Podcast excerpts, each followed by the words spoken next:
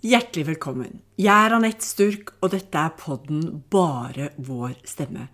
Som faktisk er unnfanget eh, etter boken min med nesten samme navn, Bare min stemme. Hva gjør sårbarheten med livene våre? Hvor viktig er historien vår? Mange spørsmål som vi alle har et eierskap til, bare vi tør. Temaene blir mange, men den røde tråden vil alltid handle om vår tilnærming til våre utfordringer som vi alle har med oss. Jeg har med meg gjester som på hver sin måte har brukt den til å gjøre sin stemme gjeldende. Fordi det er viktig for hvordan livet skal se ut, men kanskje aller mest være en inspirasjon til at alt faktisk er mulig. Vise at vi står ansvarlig for eget liv og egne valg, uavhengig av hvilke kort som er blitt tildelt til dette korte livet vårt. Min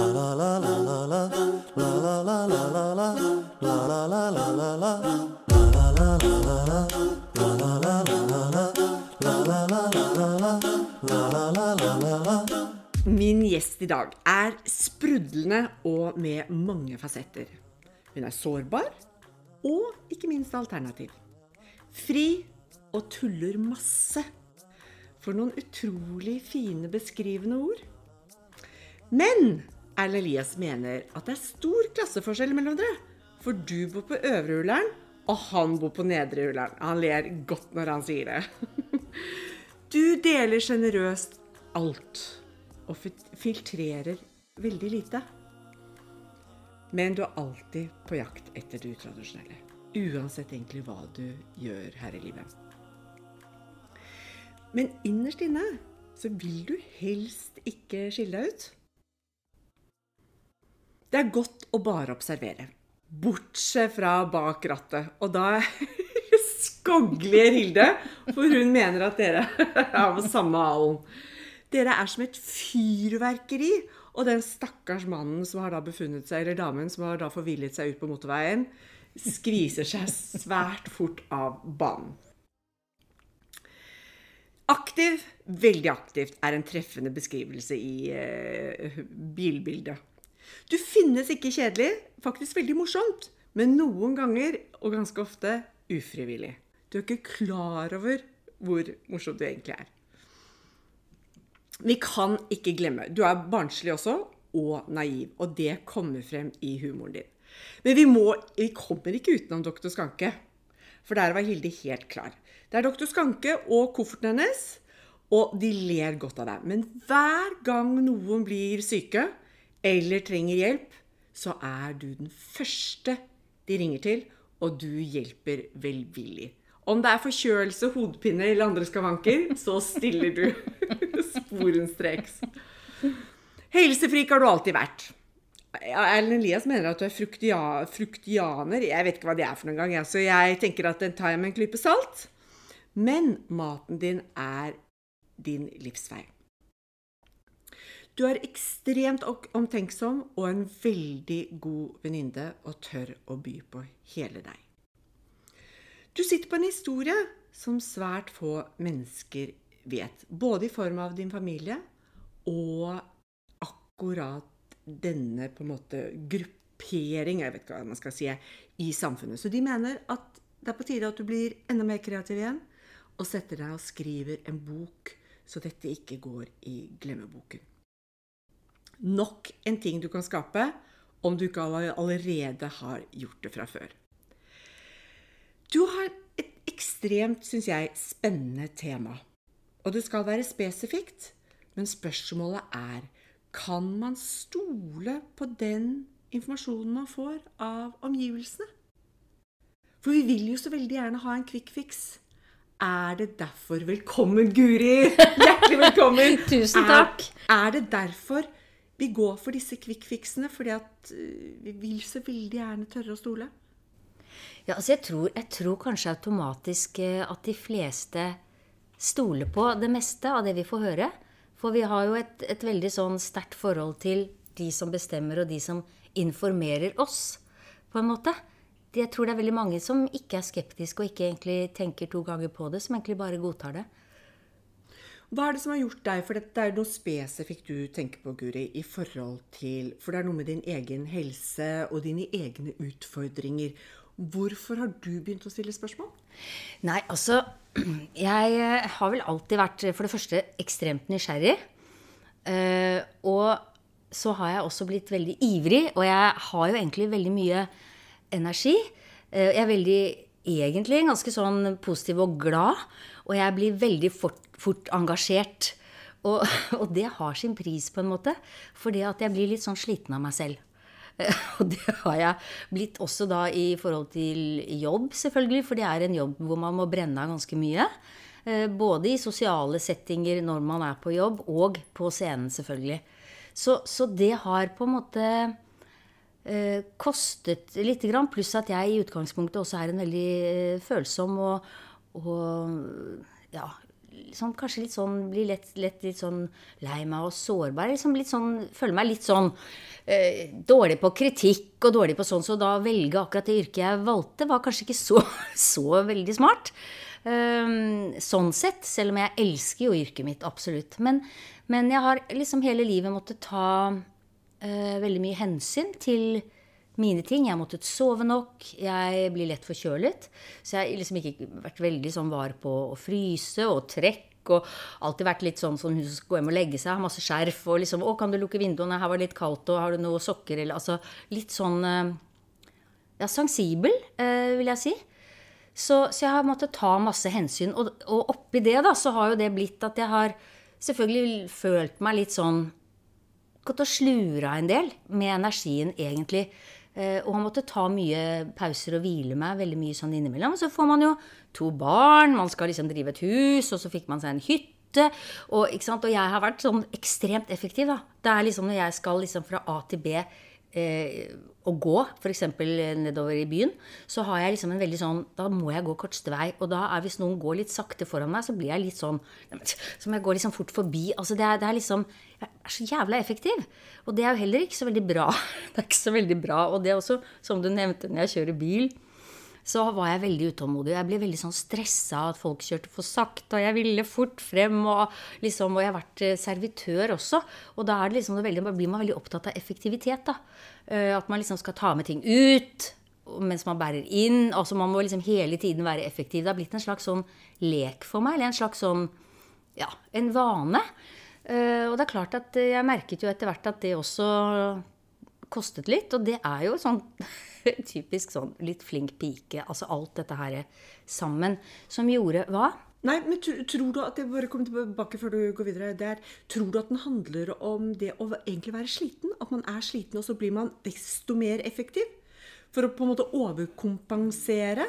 At man egentlig så har man man har overbrukt energien sin? den tildelte energien? Altså, jeg vet ikke. Det kan jo kanskje altså, det er jo ofte sånn at man kanskje overkompenserer, spesielt hvis man liksom, Det merker man jo på scenen, f.eks. Hvis man plutselig gjør noe feil eller synger noe feil, eller sånn, så overkompenserer man automatisk veldig i neste øyeblikk. ikke sant?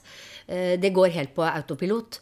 Så, så jeg vet ikke helt, men, men jeg, um, jeg føler på en måte at det var mye um, engasjement og mye på en måte glede og mye sånn som drev meg, men jeg bare var veldig nødt til å ta meg en slags sånn pause etterpå. Og det er sånn, Mariann Aas Hansen hun beskrev meg, vi jobbet jo sammen i Showgirls et par uh, forestillinger, og hun sa du er akkurat som en liten sånn valpguri. Du er helt sånn Etterpå så må du bare ligge rett ut i en krok og bare hvile, ikke sant? Så, så jeg, jeg, girer meg lett opp, da. Så, så, så, så, gjennom livet så har jeg liksom egentlig prøvd å, liksom, prøvd å finne ut av øh, hva jeg kan gjøre for på en måte å få mer energi, da. Eh, og har begynte jo da med mat. ikke sant, Alle mulige har vært gjennom altså alle dietter. Altså Det er ikke én diett jeg ikke har prøvd. liksom. Det er alt sitronkur, og det er blodtypedietten, altså steinalderdiett. Altså absolutt alt.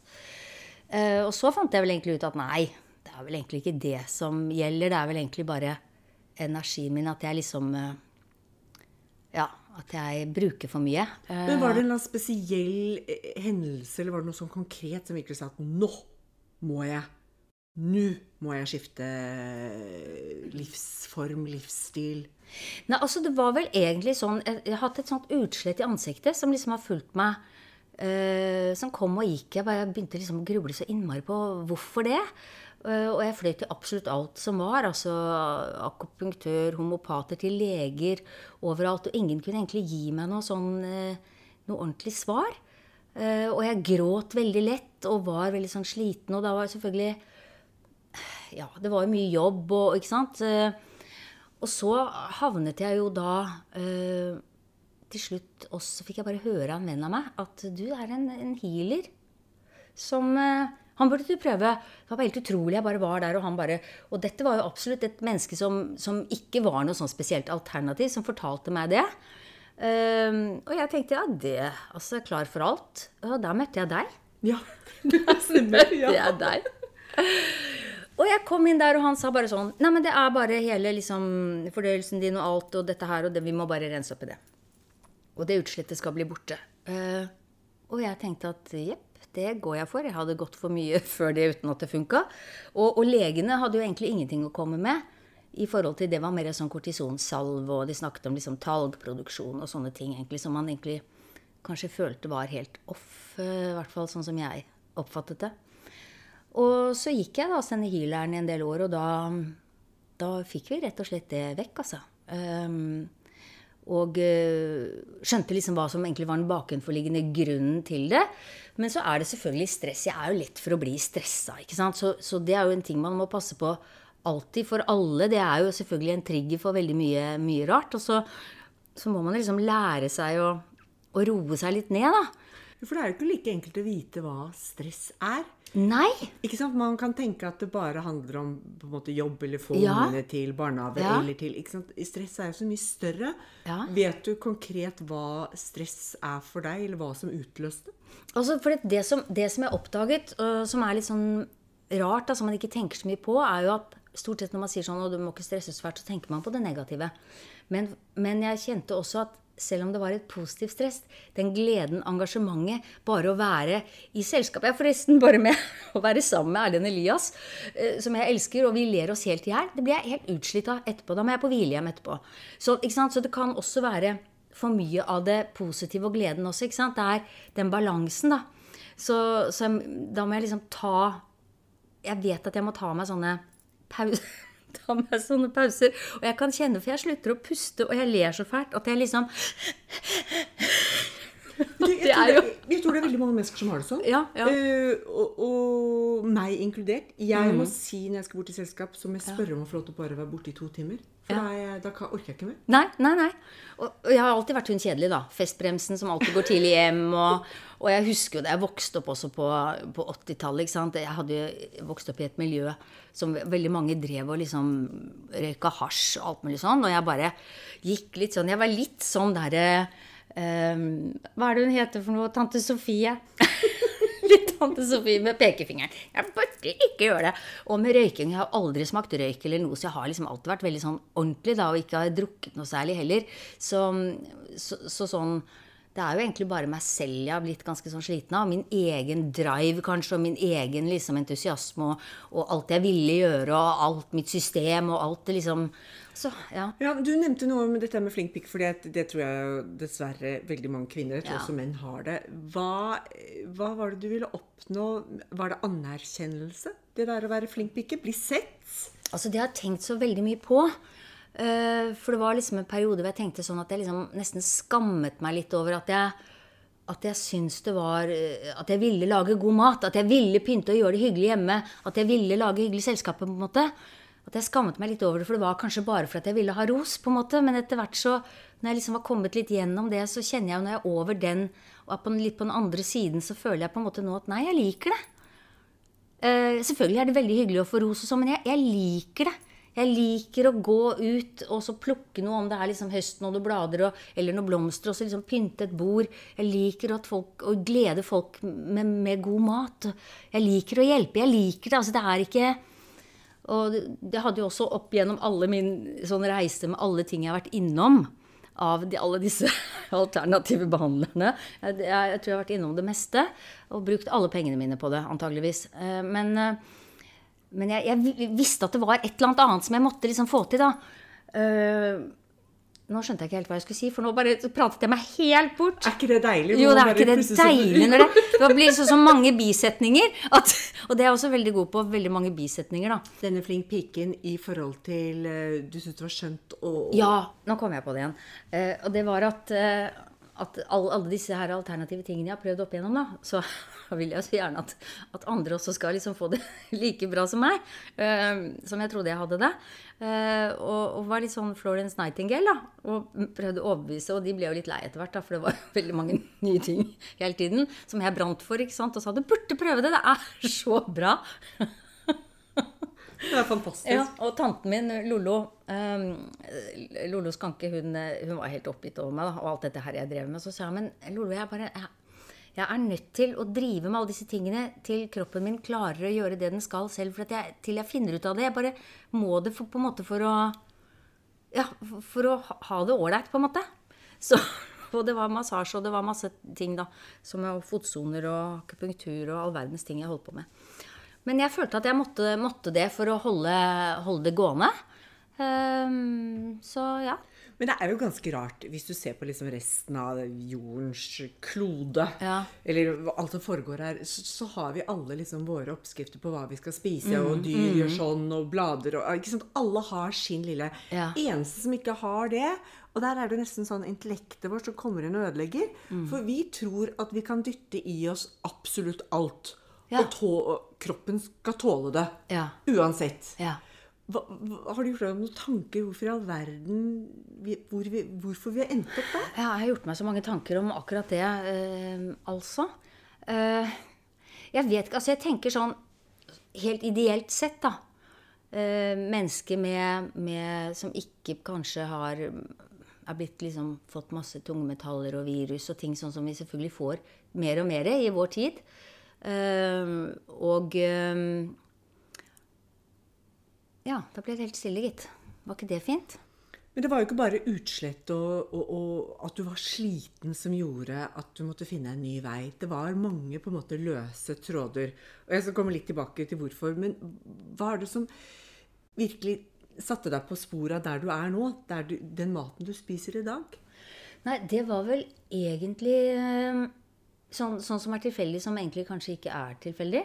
Um, og det var at jeg var um, For, et, for et, ja, tre år, det er tre år siden. Så, så hadde jeg jo da vært gjennom som jeg sa, alle disse diettene og alt dette her. Og så var jeg gått tilbake til liksom mer sånn vanlig mat igjen, på en måte, men kuttet ut sukker og, og glu- gluten og sånn i en del år. Men så kjente jeg at det var liksom ikke egentlig nok til heller, for jeg syntes liksom at jeg var sliten. øhm, og jeg liksom, det var tungt å jobbe, og liksom, det rant av øynene mine. Jeg hadde liksom litt sånn lokk over hodet. og jeg liksom, åh, Må jeg på Rema? Jeg vet ikke om jeg orker. liksom, Kan jeg bare få lov til å ligge i sengen? Det hadde vært dritdeilig, liksom. Uh, og så skulle jeg til Spania og så synge i et bryllup.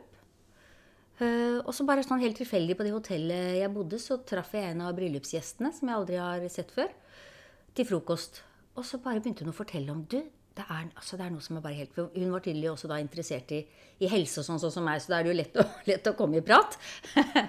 og som du nevnte i introen, jeg er jo ganske åpen nå, så liksom, det er ikke så vits å holde tilbake så mye, egentlig, føler jeg.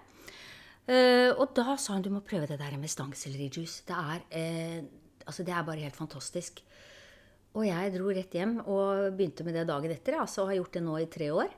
Uh, og da følger dette systemet da til denne som heter Anthony Williams.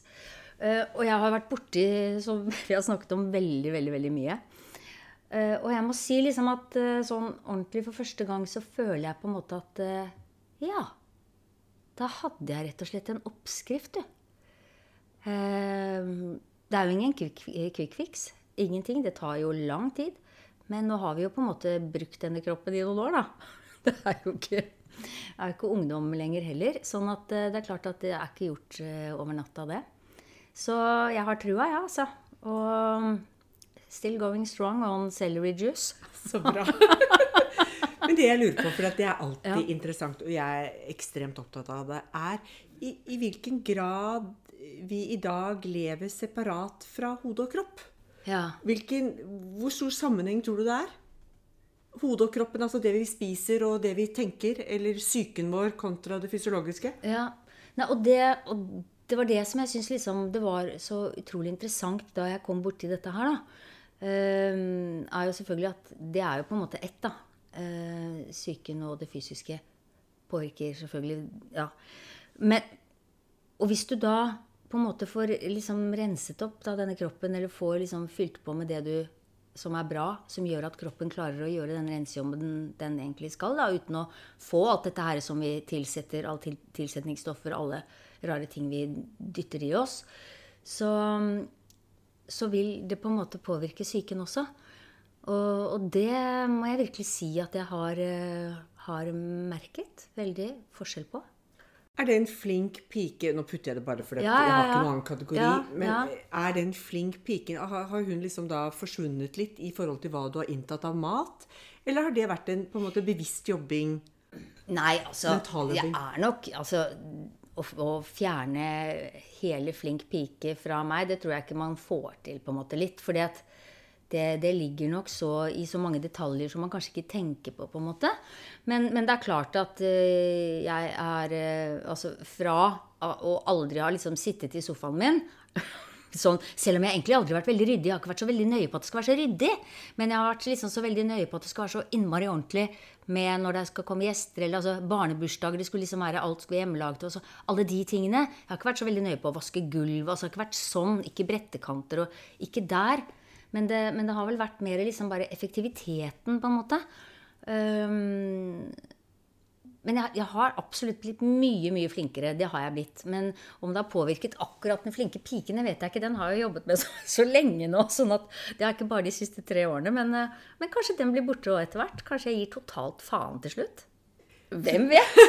Nei, hvem vet? Tror du at den kommer fra med oppveksten, ikke fra? Med oppveksten, er det omgivelse, eller tror du at den er eh, medfødt? Er det omverdenen som pålegger det for at vi skal føle oss sett, eller er det andre grunner til at vi plutselig skal levere til gull? For det er ingen som sier ja. at vi må levere til gull. Nei, det er jo ikke Det er klart at det ligger jo en del eh, forventninger i samfunnet. Det gjør det. Og man skaper jo selvfølgelig også forventninger selv i forhold til hva man tror andre forventer. Eh, og så ligger det jo selvfølgelig noe i, i altså, tiden man vokser opp i, og, og hva som er liksom vanlig. Hva man liksom ser på som er stuerent eller vanlig, på en måte. Og så er, ligger det jo selvfølgelig en del eh, Og det er jo det å bli anerkjent og få ros. Det ligger jo en del i det. Men det ligger jo også veldig mye hos, i, i gutta, og uten at det blir kalt sånn flink gutt, på en måte. Men det, det er jo litt av driven vår òg, da. Altså litt av det vi på en måte kanskje bør ha for å, å komme oss gjennom dette livet. For livet er tøft. Uh, og man må jo liksom tjene penger, man må skape seg et yrke, og det er klart at det er stor konkurranse. Uh, Så man må jobbe hardt. Uh, Så alt er jo ikke liksom under det flink pike, men det, er jo liksom, det går liksom litt over hverandre. De grensene er jo litt sånn vage. Så, men, men det er klart at eh, Ja, så, så er det noe med hva man trives i òg, da. Har du vært bevisst i forhold til, for nå har du to sønner, har du vært Ja. bevisst i forhold til deres eh, oppvekst? Altså, jeg, jeg, jeg ser på dem og tenker sånn Å, gud, så deilig de må ha det som ikke liksom føler på de samme tingene som meg. Og det er egentlig veldig glad for. Og jeg, jeg ser også på broren min som eh, Altså stefaren min, da, hans far, var jo også veldig sånn eh, Vi var veldig opptatt av interiør og, og veldig sånn, og skulle, alt skulle være veldig sånn eh, ut i marka og sånn. Og, og, og, så ser jeg, og, i forhold til jobb, og veldig, måtte jobbe veldig hardt. Og, sant, sånn, Han var kjempeflink. Og så ser jeg på broren min, som er liksom en helt annen sort, som på en måte er mye mer sånn avslappet og lugn, og liksom tar det ja, ja, litt sånn. Og så tenker jeg, gud, så innmari bra. Uh, at man ikke nødvendigvis må bli så ja, Jeg skjønner det veldig godt. hardt. Ja. Nei, jeg tror, Og jeg ser, jeg tror altså, da, og tilbake til barna mine også, da. Som er mye mer sånn relaxed, og de kan liksom Ikke noe sånn stress på så mange ting som jeg har hatt mye stress på. Uh, så jeg tenker så godt for dem. Deilig for dem. Det er vel det også som med maten, tenker jeg. At det er vel at du får en liten ubalanse. Ja, det er motoren, men det er også eh, den spiralen ned som får Mm. deg til å bli stresset og gjøre disse stress, Ja, stressede tingene som også gjør deg til sliten til slutt. ja ikke sant? Prøve å levere til gull. Ja, og så er det jo da det også som jeg faktisk jeg skrev en, eh, en, en tale som jeg ble spurt om av, av, NRK. Skrive en til konfirmanten med noen tanker om livet, liksom sånn. Og det fordi at jeg har liksom vært uh, I alle år så har jeg liksom vært i sånne tankespiraler som liksom har bare dratt meg ned og ned og ned. sånn du er dum, du er dum, det var ikke bra nok, de sa det, de sa det, og det, og sånn og sånn.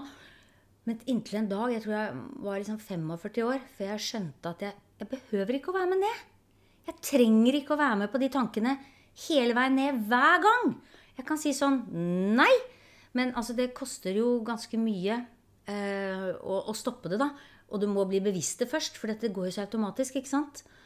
Eh, så jeg har brukt så utrolig mye tid på å bekymre meg på ting eh, hva folk syns, og om de liker meg, om jeg var bra nok. Og, og det handler jo også selvfølgelig om det flinke pikegreiene, men det handler jo også om yrket, yrke mitt. ikke sant? Hvordan, eh, hvordan, man skal få ny jobb. Man er jo nødt til å bli likt. Det er jo liksom, Den eneste måten man får jobb, er jo stort sett å bli likt. ikke sant? Eh, at folk liker å se på deg, eller liker å jobbe med deg og alt dette her.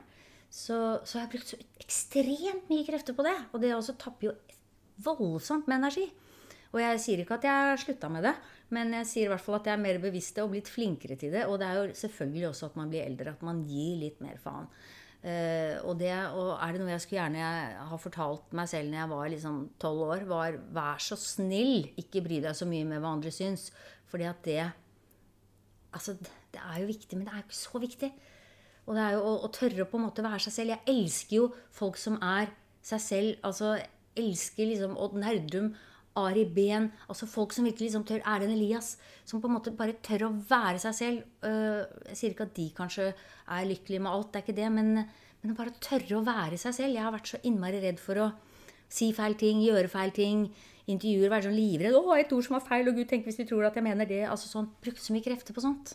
Men tenk deg, for du sa hva Utopia var hvis alle hadde hatt den biten. Hvordan hadde verden da sett ut?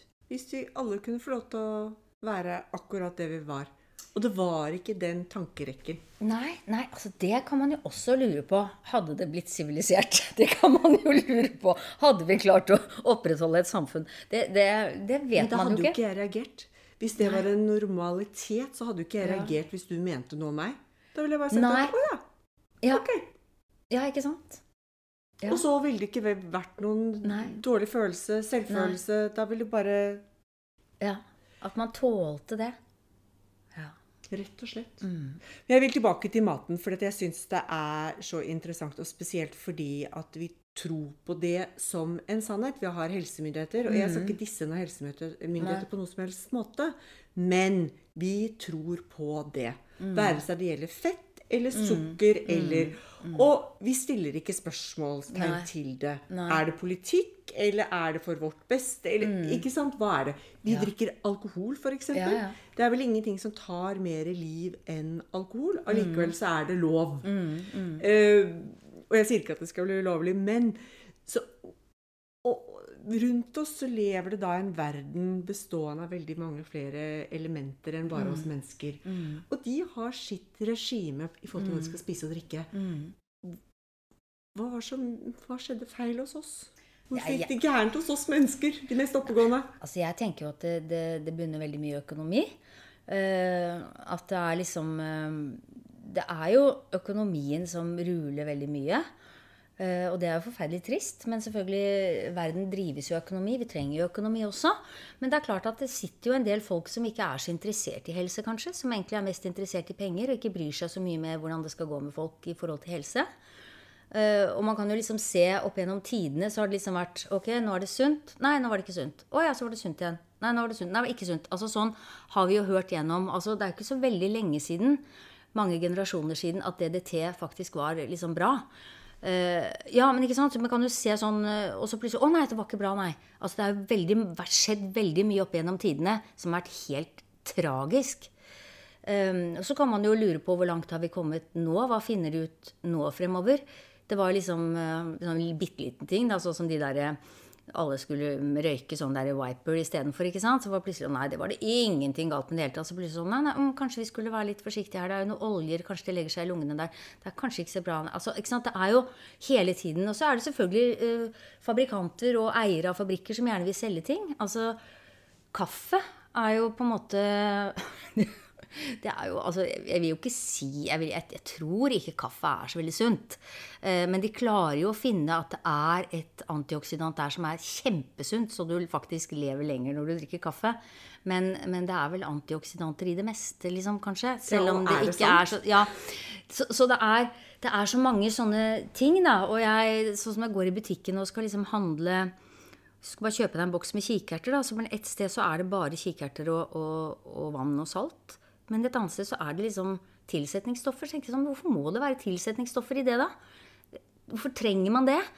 Og man får liksom Av og til så får man bare en sånn liten sånn flik. Man liksom ser litt av ting som har gått gærent i matvareindustrien, og så tenker du å gud, hva er det sant? Er det mulig? altså Sånn som med kyllingfiletene den gangen, hvor alle sluttet å kjøpe kylling en stund. Men så blir det jo glemt, så kjøper jo alle kylling igjen, og så sier de at de har sluttet med nasarin eller sånn, men så har de puttet noe annet i kanskje istedenfor, da. Som vi ikke vet. For vi får jo ikke vite alt. Og så er det jo grupper, undergrupper i mat som heter sånn naturlig aroma. Men hva er naturlig aroma? De kan, det er et ganske stort spekter hva de kan kalle naturlig aroma. Og det eneste vi antagelig vet, er at det ikke er naturlig. Og det tristeste, det tristeste, ved det er jo at vi mister en tillit.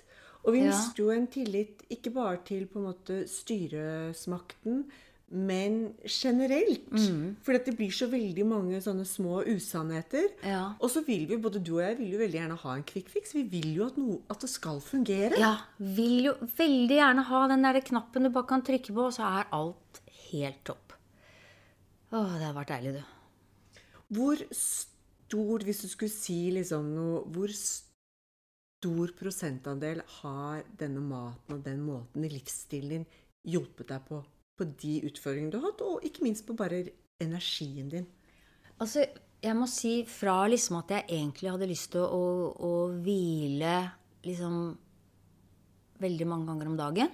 At jeg tenkte på at jeg orker ikke å gå i butikken. Til at jeg ikke behøver å hvile i det hele tatt. Eh, fra at øynene mine liksom rant sånn eh, hele tiden, og jeg var sånn tung i hodet og sånn, borte. Og det hadde også litt sånn synsforstyrrelser. Ja. Altså, det, var så skummelt.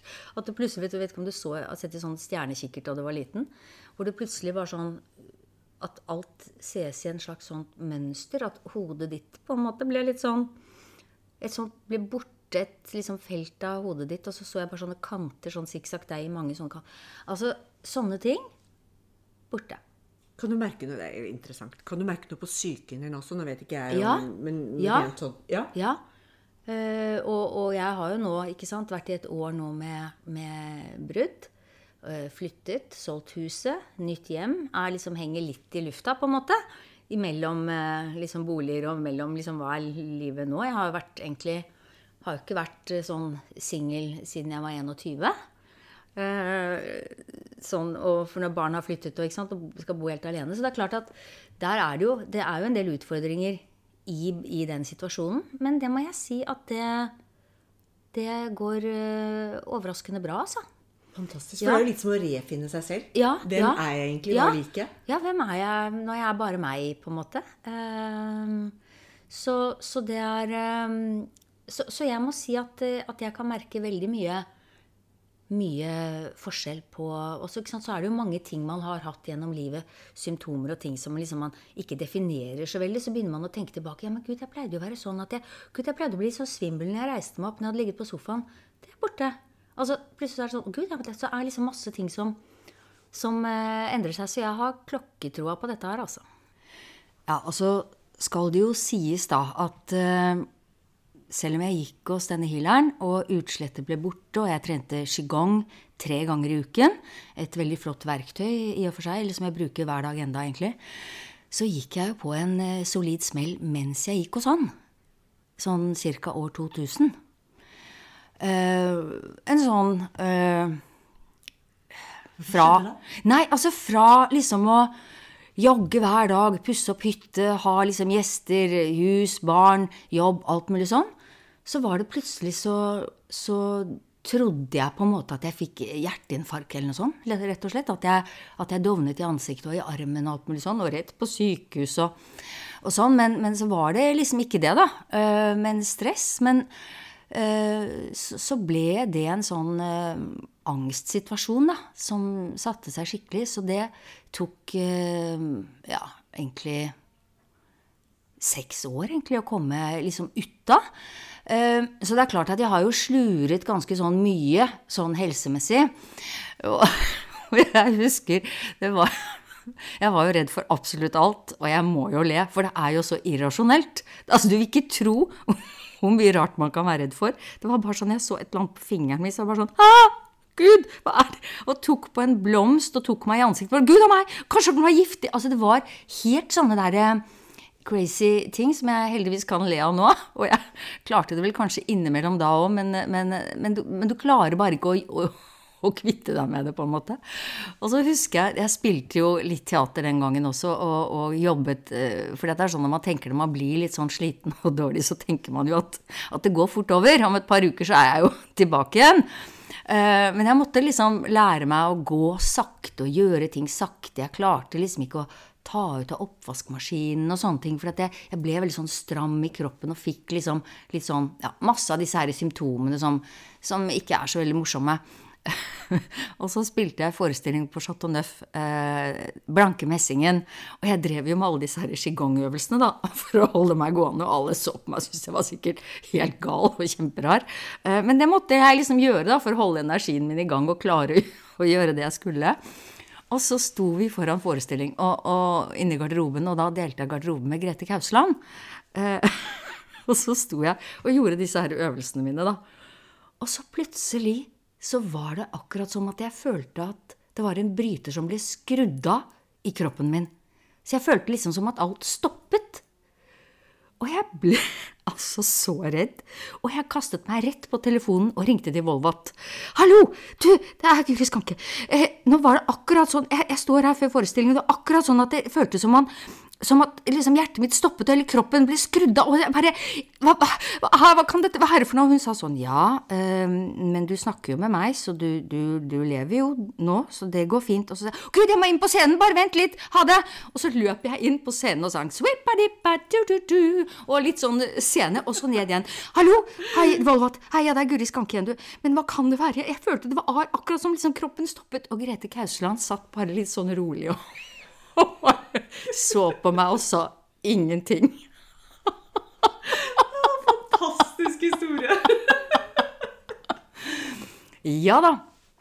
Så, så, så og, og, det og liksom da sånn øh, Når jeg snakker om nå at jeg på en måte føler at jeg har funnet en oppskrift, da, og akkurat det du spurte om, om med, med, det liksom fysiske og psykiske, så bare merker jeg at jeg blir eh, nå har jeg jo ikke de tingene altså Jeg har jo ikke hatt det siden jeg liksom ja, Kanskje når jeg begynte på Skal vi danse i 2006, da, så begynte jeg liksom å, å komme meg tilbake til liksom litt mer sånn vanlig. Men enda så har jeg har liksom hatt en lav stressterskel helt siden det, egentlig.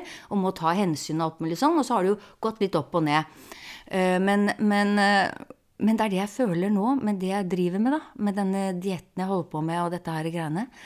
At alt dette begynner liksom å vatre seg litt igjen, da, på en måte at nettopp eh, syke og, og, og, det fysiske, på en måte, det jobber sammen. Så når du liksom får det du trenger inn i kroppen din, får de næringsstoffene du trenger, så klarer kroppen å bygge opp igjen disse nervebanene og disse som gir signaler rundt at, at jeg føler meg mye sterkere. Hele meg. Det er meg. fantastisk. Og det er da ikke så enkelt som Erlia sier, at du er fruktianer. Nei, jeg er ikke fruktianer i det hele tatt. Fruktianer de spiser bare frukt. Det gjør ikke jeg. Jeg, jeg spiser alle grønnsaker og alt mulig. Jeg er veganer. Ja. Det er jeg. Da skal jeg avslutte med et spørsmål, Guri. Dette er veldig interessant. Hvis du skulle få lov til å være helseminister for en dag eller en uke, en måned, hva ville du satt på agendaen? Jeg ville ha satt altså, noe som jeg har eh, syns er veldig viktig. Og så vet jeg ikke om hvordan det ville fungert, da. Eller om det, om det ville fungere. Men jeg bare tenker sånn Få inn i skolen for barn at de må lære mer om det sosiale interaksjonen. interaksjon. At hvis én ikke er hyggelig mot deg, så er det ikke nødvendigvis din skyld. Fordi at De fleste av oss, med en gang noen ikke er hyggelig, eller et eller annet sånt, så tror, at du, tror man at man har gjort noe galt. Og det skaper altså så mye utrygghet og så mye tanker og, og negative spiraler, ikke sant. Så hvis det hadde vært en måte å på en måte få, få det som et fag på skolen eh, Jeg husker sønnen min, når han gikk på barneskolen, så hadde de noe som het Snille hender. eh, Som rektor hadde innført der. Hvor alle barna skulle massere hverandre på morgenen. eh, Og hadde en sånn spesiell sånn Og sønnen min gjorde det på meg. Det var bare altså helt fantastisk. For da Det er noe med liksom å komme nær på den måten at du, at du ikke har lyst til å slå den andre eller erte eller mobbe den andre. da. Så altså, det var en fantastisk ting. Men også det å lære disse herre hvordan det fungerer. Det vil jeg satt synes har vært veldig viktig. Og så ville jeg på en måte ha renset opp i alt det derre Alle de tilsetningsstoffene og alt det derre greiene som vi blir pumpet fulle av. eh, Og fått mer liksom lærdom om det. Altså, jeg vet ikke, Det er jo egentlig helt sikkert umulige ting, for det er så store krefter bak. da. Men at man får renere mat, at man får Ja. Men så vil jo folk gjerne ha den derre som er dritt, da. Men uh... Ja, men ikke sant, vi vil jo så mye, så jeg tenker at uh, hvis uh, kraften hadde vært stor nok, ja. Og informasjonen stor nok på Ja. at dette ville redde både oss og kloden, så Ja. tenker jeg at på, i en større, en større målestokk Ja. så tror jeg kanskje at det er mulig. Men jeg, jeg er jo så enig med deg, og jeg tror at vi skal lage en podkast til som handler om dette her med hvilke fag som burde på være på skolen. Ja, ja.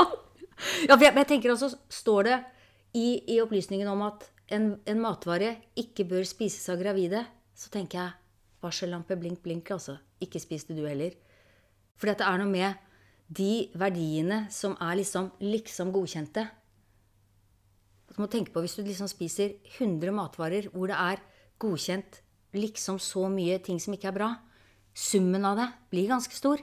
Og dette får vi inn hver dag. Pluss at vi får inn forurensning, pluss at vi får inn stress, pluss at vi får inn stråling, pluss at vi får inn Det er så totalt, det vi liksom Sånn massivt, det vi får inn i de kroppene våre. Som gjerne vil ha det bare frisk luft og ha det deilig. ikke sant? Vi vet jo at ikke det går, men vi, vi, vi må i hvert fall gjøre det beste vi kan. Jo, jeg tror ikke vi skal si at det ikke går. Jeg tror at du, det må være målsettingen. Ja, ja. Hvis ikke så faller vi ned i den, og så stopper vi der. Og så hører vi på hva andre mennesker forteller oss, og så aksepterer vi det. Men vi må liksom, jeg tenker vi må kunne liksom kjøre bil. Vi må, det er noen sånne ting som vi må gjøre, men det er klart at det er, det er ikke sikkert at det er de tingene som er de verste. Ikke sant? Det er så mye annet som vi kanskje ikke vet om, som på en måte kan være enda verre for oss. da. Tusen takk, Guri. Det har vært en kjempespennende prat. Takk i like måte. Takk for at jeg fikk komme. Tusen takk til deg, kjære lytter, som er med på denne reisen. Temaene er mange, og alltid fylt skal være med inspirasjon og masse innsikt. Tanken er at det skal være ekte samtaler med temaer som berører og setter fokus på historiene våre. Jeg kan nesten ikke vente til neste gjest, og ikke minst høre den filterløse fortellingen og deres narrativ. Så følg med om 14 dager. Og hvis du ønsker mer info og inspirasjon, så går du inn på Instagram-kontoen med samme navn, bare vår stemme. Så sees vi veldig, veldig snart. Tusen takk.